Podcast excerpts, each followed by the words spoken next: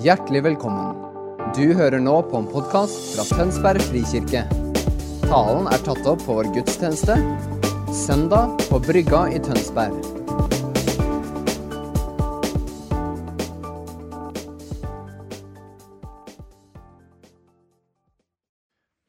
velger å begrense seg og tre inn i skaperverket og gjøre seg tilgjengelig for hver og en av oss. Og ikke bare gjør han seg tilgjengelig, men han velger for hver og en som sier ja, å flytte inn og ta bolig i våre liv, som har vakre og sårbare, gode og vanskelige ting.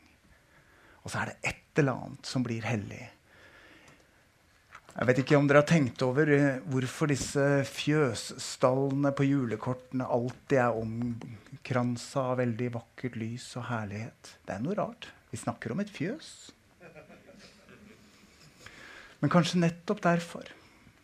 Fordi at når himmelsk herlighet lander i menneskelig enkelhet og sårbarhet, så er det likevel herlighet som er resultatet. Virkelig. Vi er i advent. Tredje søndag i advent, som blir siste søndag i advent, på en måte, fordi det er julekveld neste søndag. Advent kommer fra det latinske 'adventus domini', Herrens komme. Og Vi snakker om dette trefoldet. Han kom, han kommer, og han kommer igjen. Og denne advent så legger vi tyngdepunktet på at han kommer.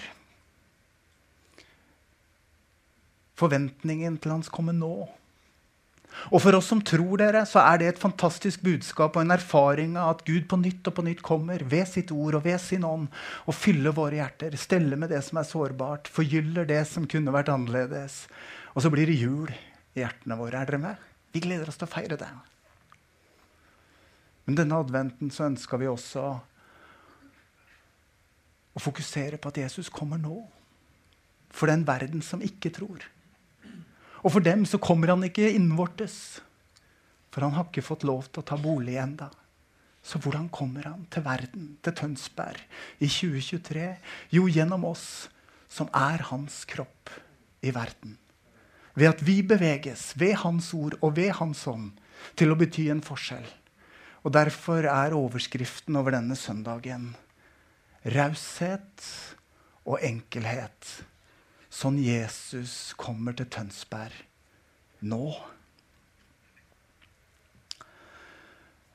Vi har lest adventsteksten fra, Johannes, nei, fra Lukas 3 om Johannes døperen. Når han kommer eh, i gang med sitt offentlige virke, så sier han han var ikke nådig, den predikanten. Jeg er litt tassen i forhold, føler jeg. Altså, Hvem har lært dere å slippe unna vreden som kommer? Ormeyngel. Det er heftig. Det står i boka. sant? Så sier han, så svar da, så bær da frukt som svarer til omvendelsen. Og så begynner folk å spørre fordi dette ordet stikker dem. Hvordan skal vi leve et liv? Og vi kan ta det inn i 2023 i Tønsberg. Hvordan Jesus? Hvordan kan vi leve et liv som svarer til omvendelsen? Vi har vendt om til deg. Vi lever med deg. Og så svarer Johannes disse som spør. Har du to kjortler, så gi en til den som ikke har. Og den som har mat, skal gjøre det samme.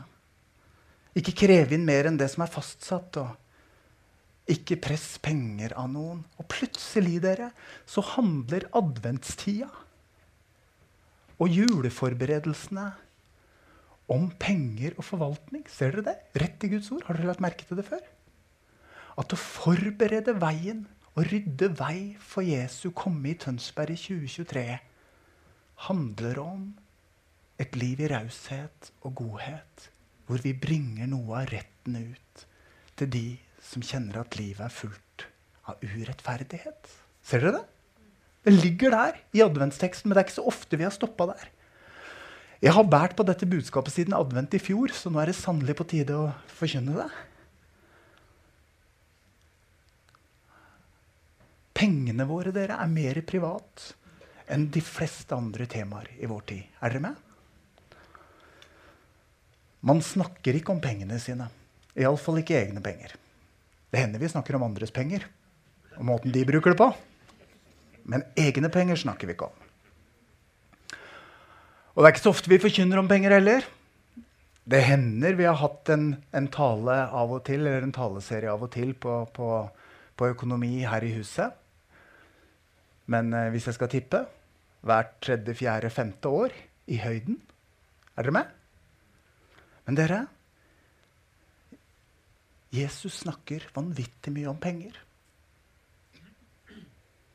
Faktisk er det bare én ting han snakker mer om enn penger, og det er Guds rike. Men han snakker tre ganger oftere om penger enn om kjærlighet. Han snakker sju ganger oftere om penger enn om bønn. Og han snakker mer om penger enn om himmel og helvete og evighet til sammen. Da er kanskje ikke vår fokusering av tematikken helt i takt med Jesus sin. Er med meg? Så når jeg forkynner nå, så ber jeg ta ned garden. Jeg har ikke et mantra, jeg har ikke en plan. Jeg har ikke tenkt å få dere fra én plass til en annen. Men jeg ber dere virkelig sammen med meg, for dette budskapet jeg bærer fram i dag, har jeg latt skjære i mitt eget kjøtt i iallfall et års tid. Jeg ber ta imot de orda som Jesus gir. La de gå til hjertene, og snakk med ham om hva han tenker som et resultat av det han sier til dere gjennom ordet sitt i dag. Kan det være en ålreit bunnplanke? Jeg har ikke tenkt å ta dere noe sted. Men det er sannheter i Guds ord jeg vil løfte opp for dere i dag, som er utrolig viktige. Økonomi er et komplekst tema. Og jeg vet det treffer veldig mange av oss på forskjellige måter. Men fokus i dag er hvordan Ja, nå har vi gått litt uh, Ja, det er fint. Der er vi nå. Fokus i dag er hvordan vi kan leve i raushet på en sånn måte at Tønsberg kan få en erfaring av at Guds godhet etterjager dem pga. oss, som er hans kropp. Er dere med? Og det vi ser i Guds ord, dere, er at det er en sammenheng mellom vårt åndelige liv og måten vi forvalter penger og eiendeler på. Det er et spor gjennom hele Guds ord, og jeg skal vise dere det i dag. Jeg skal ha fire steg, så dere kan følge meg. Vi skal se på det bibelske fundamentet. Vi skal snakke litt om Jesus som tjener og Jesus som konge. Og så skal vi lande i hva, le, hva gjør vi i dette allerede ennå ikke, i adventstid og ventetid. Men det grunnleggende det finner vi i 2. Mosebok 16. Her lærer israelittene å stole på Gud som forsørger. De får manna hver dag og får beskjed om å plukke det de trenger, men ikke mer. Og ikke til neste dag. Og selv om de gjør det, får den beskjeden, så er det noen av de som ikke klarer å dy seg. Det hadde jo vært godt å ha litt til overs. Men hva skjer? Når de tar vare på noe til neste dag, så råtner det. Så går det mark i det. Hvorfor? Fordi at Gud ønska å lære israelsfolket at de skulle ikke sikre seg selv. De skulle leve av hans forsørgelse og lære seg å stole på han. Er dere med? Gud er den samme i dag. Vi også kan lære av dette. Så går vi kjapt framover til 3. Mosebok 19. Da går vi fra manna i ørkenen og forsørgelse over i forvaltning. Vi er inne i det lovede landet. Vi har kommet inn der melk og honning flyter. Og da er vi jo plutselig i Norge i 2023. by the way. Og her står det at når dere høster inn kornet i landet, så skal dere ikke ta helt ut til kanten. Og når dere henter druene, så skal dere ikke ta de som falt ned. Du skal la dem være igjen til de fattige og innflytterne, for jeg er Herren deres Gud. Og dette var et påbud. Dette var en lov hvor Gud sørger for at de fattige skal ha mat, ved at ikke vi tar inn alt vi tjener, til oss selv. Som andre ord, hvis vi tar inn hele avlingen, alt kornet, alle druene, hele lønna, alt vi tjener, til oss selv og våre egne, så tar vi rettferdigheten, Guds rettferdighet, bort fra tilværelsen. Og Gud begrunner det videre. For når en innflytter bor i landet hos dere, skal dere ikke gjøre urett mot ham. Innflytterne som bor hos dere, skal være som deres egne landsmenn, og dere skal elske ham som deg selv. For dere har selv vært innflyttere i Egypt. Jeg er Herren deres Gud. Dere, I disse gammeltestamentlige tekstene så ser vi tydelig at det er en Guds omsorg og en Guds rettferdighet for alt folk. Og den rettferdigheten ønsker han å uttrykke gjennom de som er hans folk. Altså gjennom oss, som er hans folk. Så når vi bruker alt vi forvalter på oss selv, så er det noen som blir fratatt rettferdighet. Og da må vi spørre oss i denne adventstida, forberedelsestida, hva må endre seg for at det Gud åpner her, kan bli virkelig livet våre? Og som et forstørrelsesglass på Guds logikk dere, så har vi jubelåret. Det er helt fantastisk.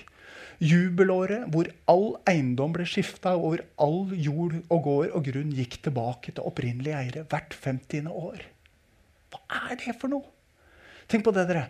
Da kan man altså kjøpe og selge. Noen blir fattige, og noen blir rike. Men hvert 50. år så nuller vi ut, og så fordeler vi på nytt. Reine monopol. Vi starter på nytt igjen hvert 50. år. Dette er Guds ordning, dere. Sånn levde israelittene. Midt i andre folkeslag som på ingen måte levde på den måten. Og det var for å lære dem at det var ikke eiendomsrett, men forvalterskap som var Guds folks mandat. De hadde tatt imot alt for ingenting. Alt hører Gud til. Og når de forvalter etter beste evne, så kan de også bli til velsignelse. Fattigdom er vanskelig å forholde seg til dere. Eh, det er et filosofisk, økonomisk perspektiv på det og et bibelsk perspektiv på det. Og dette skjønte Gud. Hvis vi hadde omfordelt alle verdiene i verden så alle hadde absolutt likt i dag, så ville verden vært dønn urettferdig om fem år. Noen hadde tjent seg rike, noen hadde blitt fattige. Fattigdom er et problem som ikke er lett å løse. Men Gud visste hvordan han skulle nærme seg dette. Ved omfordeling, sånn at alle skulle lære at også i de åra imellom omfordelingen så holder vi i det vi eier, med en løs hånd. For det er ikke vårt eierskap, det er vårt forvalterskap. Men det, dette er jo den gamle pakt, så noen av dere kan fremdeles håpe at uh, dette, dette, kommer til å lande bra. Bare gled dere. Neste steg tjeneren Jesus. Bilde sju. Når Johannes ble sendt som en veirydder for å rydde veien for Jesus, så var budskapet hans omvendelse.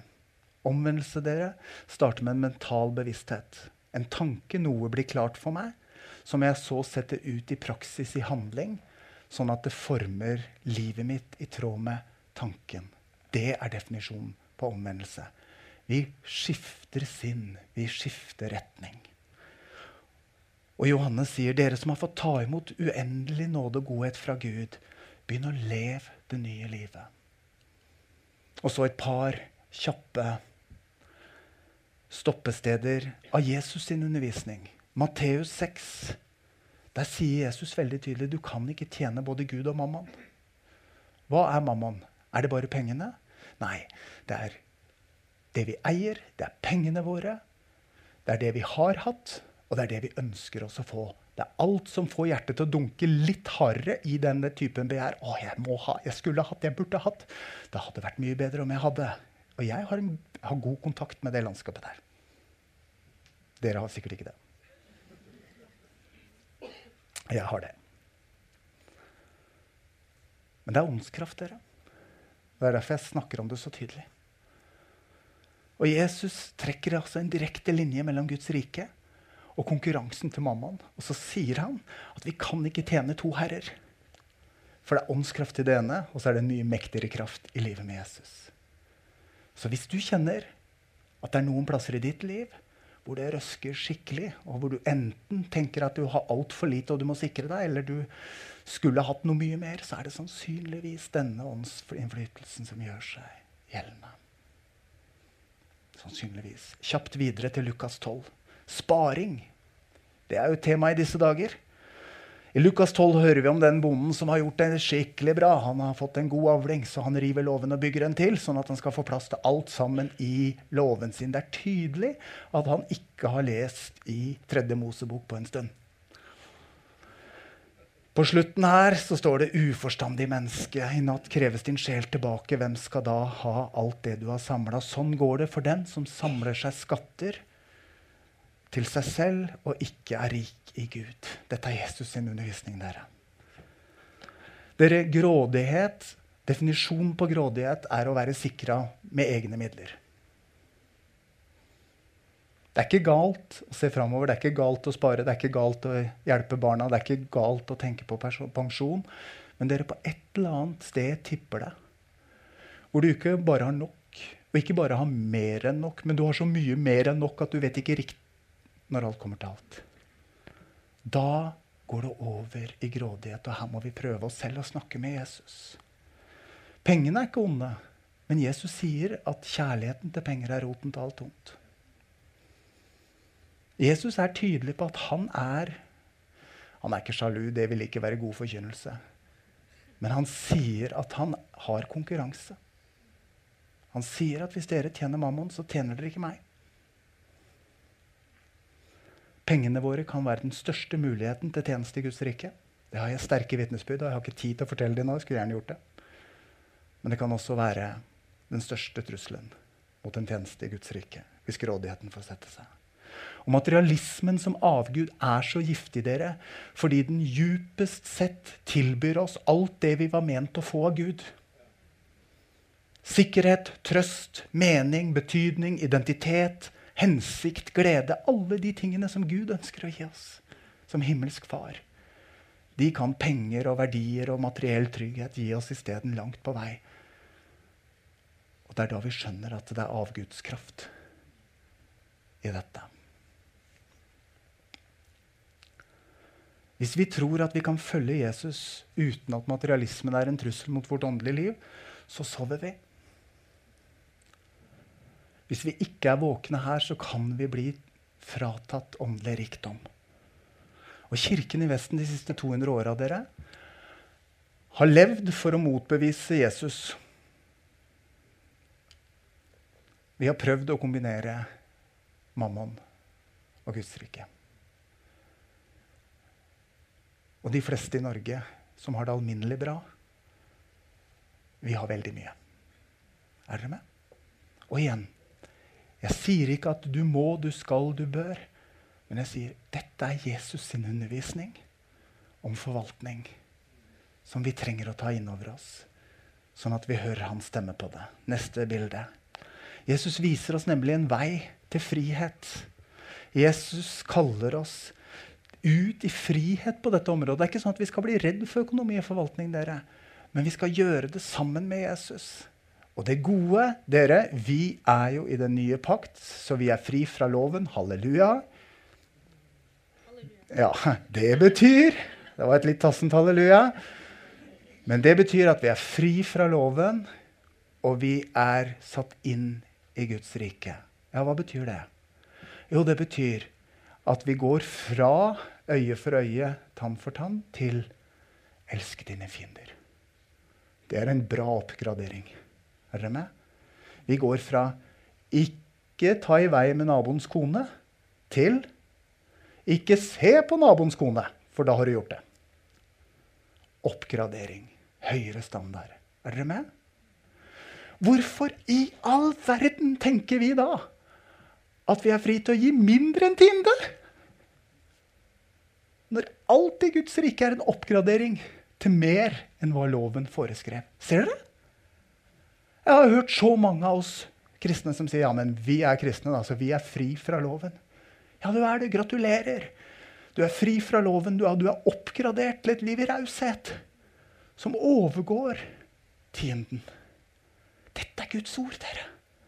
Og Det er derfor Jesus prater om dette. Og jeg vet at dette skjærer.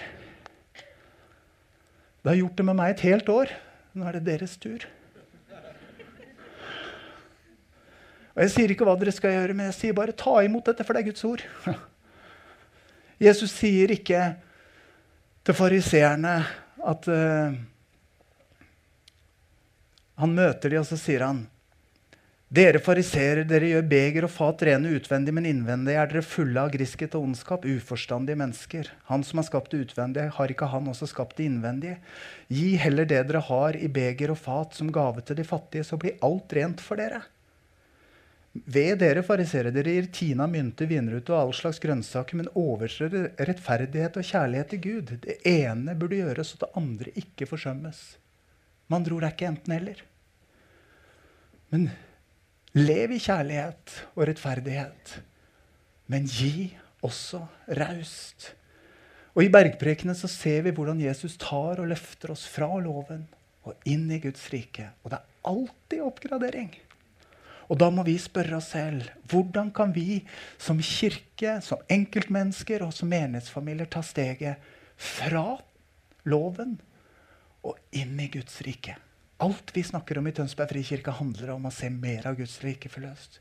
Hvordan kan vi gjøre det på dette området?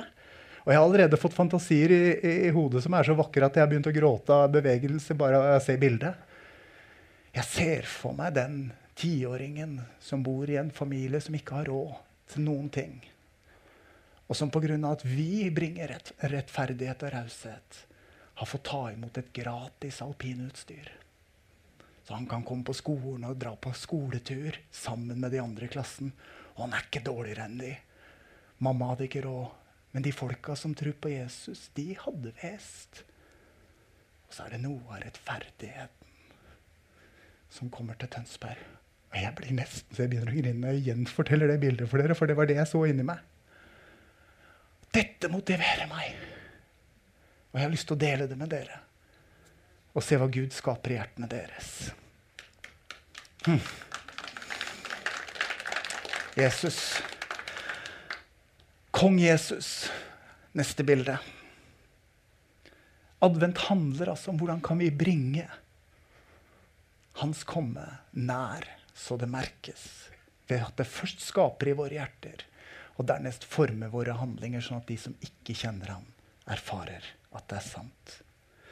I det nye Jerusalem, i den framtidige virkeligheten, der er Jesus fullstendig herre. Der er alle behov møtt, alle sorger er borte, all sykdom er borte, all smerte er borte. Men dere, raushet og forvaltning er én måte vi kan gi en preview, en forsmak på himmelen for den verden som enda ikke tror.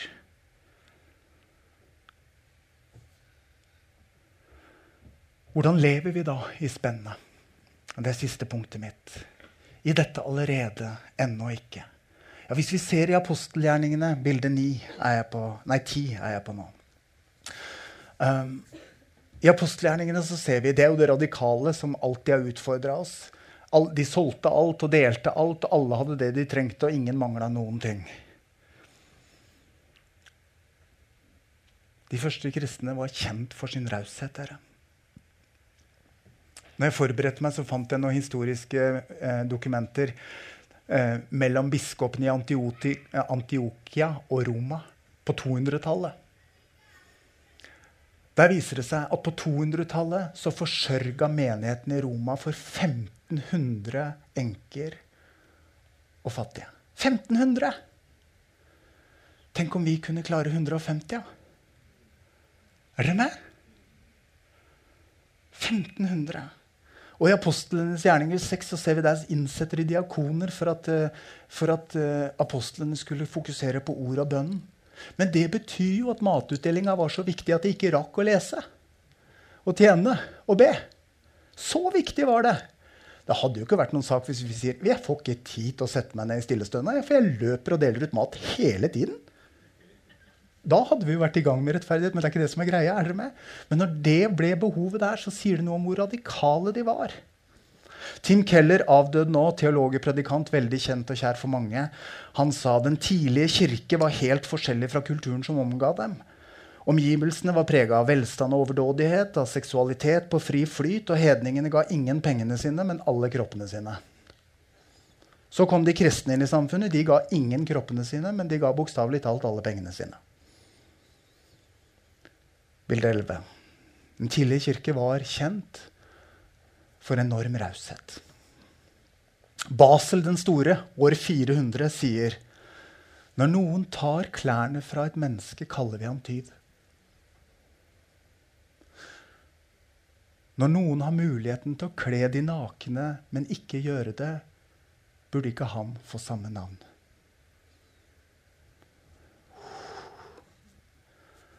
Ja, dere merker det, gutter.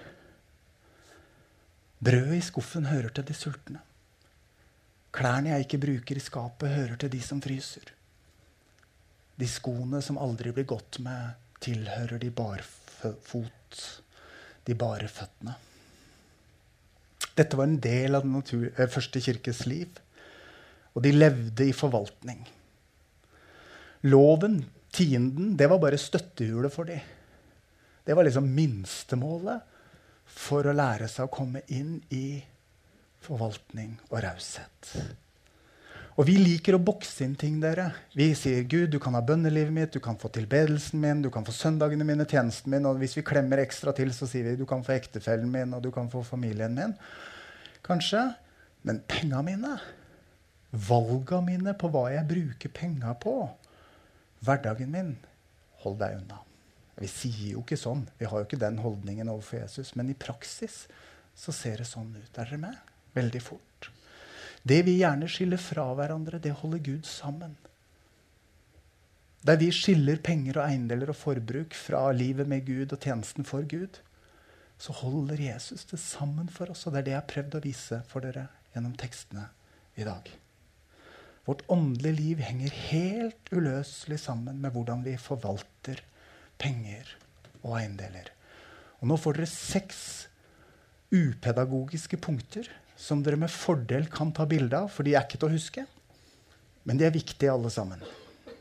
Praktisk applikasjon, og så skal jeg lande inn. Dere, vi kan ikke skille omvendelse og raushet. Vi nordmenn vi er så vant til å tenke oppgradering. Vi tenker at hvis vi flytter fra ett hus, så skal vi alltid til et større. Hvis vi bytter bil, så skal vi alltid til en bedre. Det skal alltid gå opp, opp, opp og opp. Og for oss som har levd i etterkrigstiden i Norge og i oljealder, så er jo det virkeligheten for oss. Det er verdensbildet vårt. Det går alltid fremover. Oppover. Ja. Men raushet starter handler ikke Få med dere dette. Raushet handler ikke om hva vi gjør med det vi har til overs. Raushet starter med at jeg bestemmer meg for hva jeg vil gi, før jeg begynner å bruke. Og du får ikke en guideline for meg. Snakk med Jesus. Punkt to du kan ikke skille åndskraft og raushet. Den første kristne kirke, Ref. Peter, sier sølv og gull har jeg ikke, men det jeg har, vil jeg gi deg. Stå opp, ta båren din og gå. Veldig mange vestlige kirker kan si sølv og gull og penger og eiendeler har vi i bøtter og spann, men uh, du får prøve sykehuset. Det er en sammenheng mellom åndskraft og raushet. Og vi ser at de kirkene i verden som fosser fram i tegn og under og mirakler, også lever i en radikal raushet og godhet. Det henger sammen. Se ut i den verdensvide kirke, så ser vi det, dere. Punkt tre. Kanten av åkeren er bare starten. Jeg har tatt dere med gjennom Bibelen nå. Kanten av åkeren var tredje Mosebok. Kanten av åkeren er tienden. Men når Jesus tar oss inn i Guds rike, så går det fra at noe skal stå igjen, til at alt er hans. Fordi Guds rike er alt lagt under hans herredømme, som er vår konge. Er dere med? Og da blir tienden bare en god guideline for et startpunkt og et støttehjul. Men hva vi skal gi, og hvor vi skal bringe rettferdighet, og hvor vi kan velsigne, ja, det blir en stadig samtale med oss over Herre. Inntil Han får sin vei med oss, og vi får tilgang på en glede uten like. Punkt fire. Rausheten er sakramental. Den gir av seg selv. Det er litt morsomt i Bibelen, dere. Så er den som ga minst av alle, den som får størst ros. Jesus roser enka. Hun som ga to mynter. Og hvis du sitter og kjenner på at 'jeg har ikke så mye', og 'jeg har litt for lite', så håper jeg du hører hilsenen fra Jesus. Det du allikevel da gir, det verdsettes av himmelen på formidabelt vis. Men jeg tror ingen av oss er unntatt. Alle er invitert til å leve et liv i raushet. Ut ifra det vi er gitt å forvalte, og ut ifra det vi rår over. Mange av oss dere gir mye, både til kirka vår og til andre formål. Men det er ikke mange av oss som ofrer mye ved det vi gir. Veldig mange av oss gir raust av vår overflod. Jeg tror vi skal våge å snakke med Jesus om Er det noe du ønsker at vi endrer? Enten du lever alene og har ansvar for økonomien din selv, eller du lever i familie. Ja. Punkt fem. Raushet er velsignelse og forming. Å leve i raushet gir en enorm glede. Det er større glede å gi enn å få dere. Det vet vi. Det vet vi. Og det å komme i flyt på dette handler om å komme inn i frihet og inn i glede. Og jeg diskuterte med meg selv og ble enig med at, eh, eller jeg diskuterte med min kone, og da blir det sånn. da. Vi gjør som kona sier. Jeg skulle gjerne delt masse av erfaringer på dette området. Men det kunne blitt fokus på hvem vi er, og hva vi har gjort. Vi ønsker ikke det fokuset. Men vi ønsker bare å vitne om å si dette livet tar oss til velsignelse og til frihet. Stort på Gud. Og det siste raushet er rettferdighet. En påstand. Alt Gud ønsker å gjøre i Tønsberg, kan bli gjort gjennom de ressursene han har lagt ned i menighetene i byen vår. Det er min påstand. Alt det Gud ønsker å gjøre i Tønsberg, kan bli gjort gjennom de ressursene han har lagt ned i Tønsberg sine menigheter. Og de som nå i sitt indre begynner å diskutere med meg To fisker, fem brød. Det handler ikke om voldsomme formuer, men det handler om hva vi tror han, og hva han kan gjøre med det.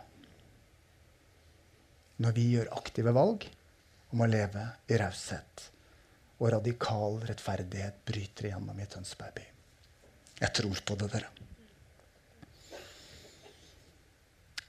Jeg tror ikke jeg er naiv, og jeg har ingen forventning til at noe radikalt skal skje over natta.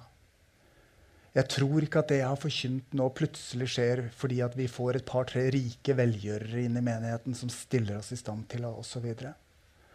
Jeg tror heller ikke det hjelper at uh, en åndsvind kommer og en vekkelse kommer, og så løper vi ut og gjør rettferdighet. Jeg tror rett og slett dette kommer ved at hver og en av oss går hjem, setter oss sammen med Jesus og begynner å snakke med Jesus om det jeg rår over, det jeg eier, det jeg er betrodd, og måten jeg skal forvalte det på. Og i sum, når han får sin vei med hver og en av våre liv og hjerter og prioriteringer, så vil rettferdighet prege Tønsberg. Og jeg sier det mange ganger til folk når jeg snakker om Tønsberg frikirke. Nå har jeg lyst til å si det til dere. Jeg er så takknemlig for dere for denne menigheten full av Jesus-elskende folk som demonstrerer hver dag at dere er villige til å gå den veien han leder. Og jeg stoler 100% på at dere også på dette området vil gå nært til Jesus og gjøre som han sier. Dere trenger ikke at jeg forteller dere om noen mal. Men dere har sagt ja til han. Og min invitasjon som jeg tror er Guds ords invitasjon denne søndagen er. La også forvaltning, penger og økonomi komme under Jesu herredømme. Så enda mer av Hans rike kan gå fram i Tønsberg by. Og på den måten rydder vi veien for at store deler av Tønsberg som enda ikke kjenner Jesus, kan få øye på Skal vi be sammen, og så kan dere som skal lede oss i, i lovsang, komme opp igjen. Jesus, du er veien, sannheten og livet. Du er veien til frihet og til rettferdighet på alle livets områder, Jesus. Herre, la denne adventstida være ei tid hvor du kommer på nytt ved din ånd og ved ditt ord. Kom inn i hjertene våre. Besøk oss på dette området som handler om eiendeler og penger og forvaltning. Tal til oss. Led oss. Form din vilje i oss, så Tønsberg og Vestfold får merke, Jesus, at du kommer. Du kommer inn i våre liv, og du kommer gjennom oss ut imot denne byen. Frels oss, Herre. Frels oss i alle betydninger av det ordet. Sett oss fri. Bryt åk og bindinger. Fri oss fra mammons grep. Fri oss fra frykten for å mangle. Forankre oss i tryggheten om at du er vår gode far og forsørger. Og at vi har alt vi trenger for å forvalte til velsignelse for mange. Hosianna. Velsignet være du som kommer. Velkommen inn i våre hjerter og hjem denne jula, Jesus. Skap julehøytid ved at du får din vei i og gjennom våre liv. Amen.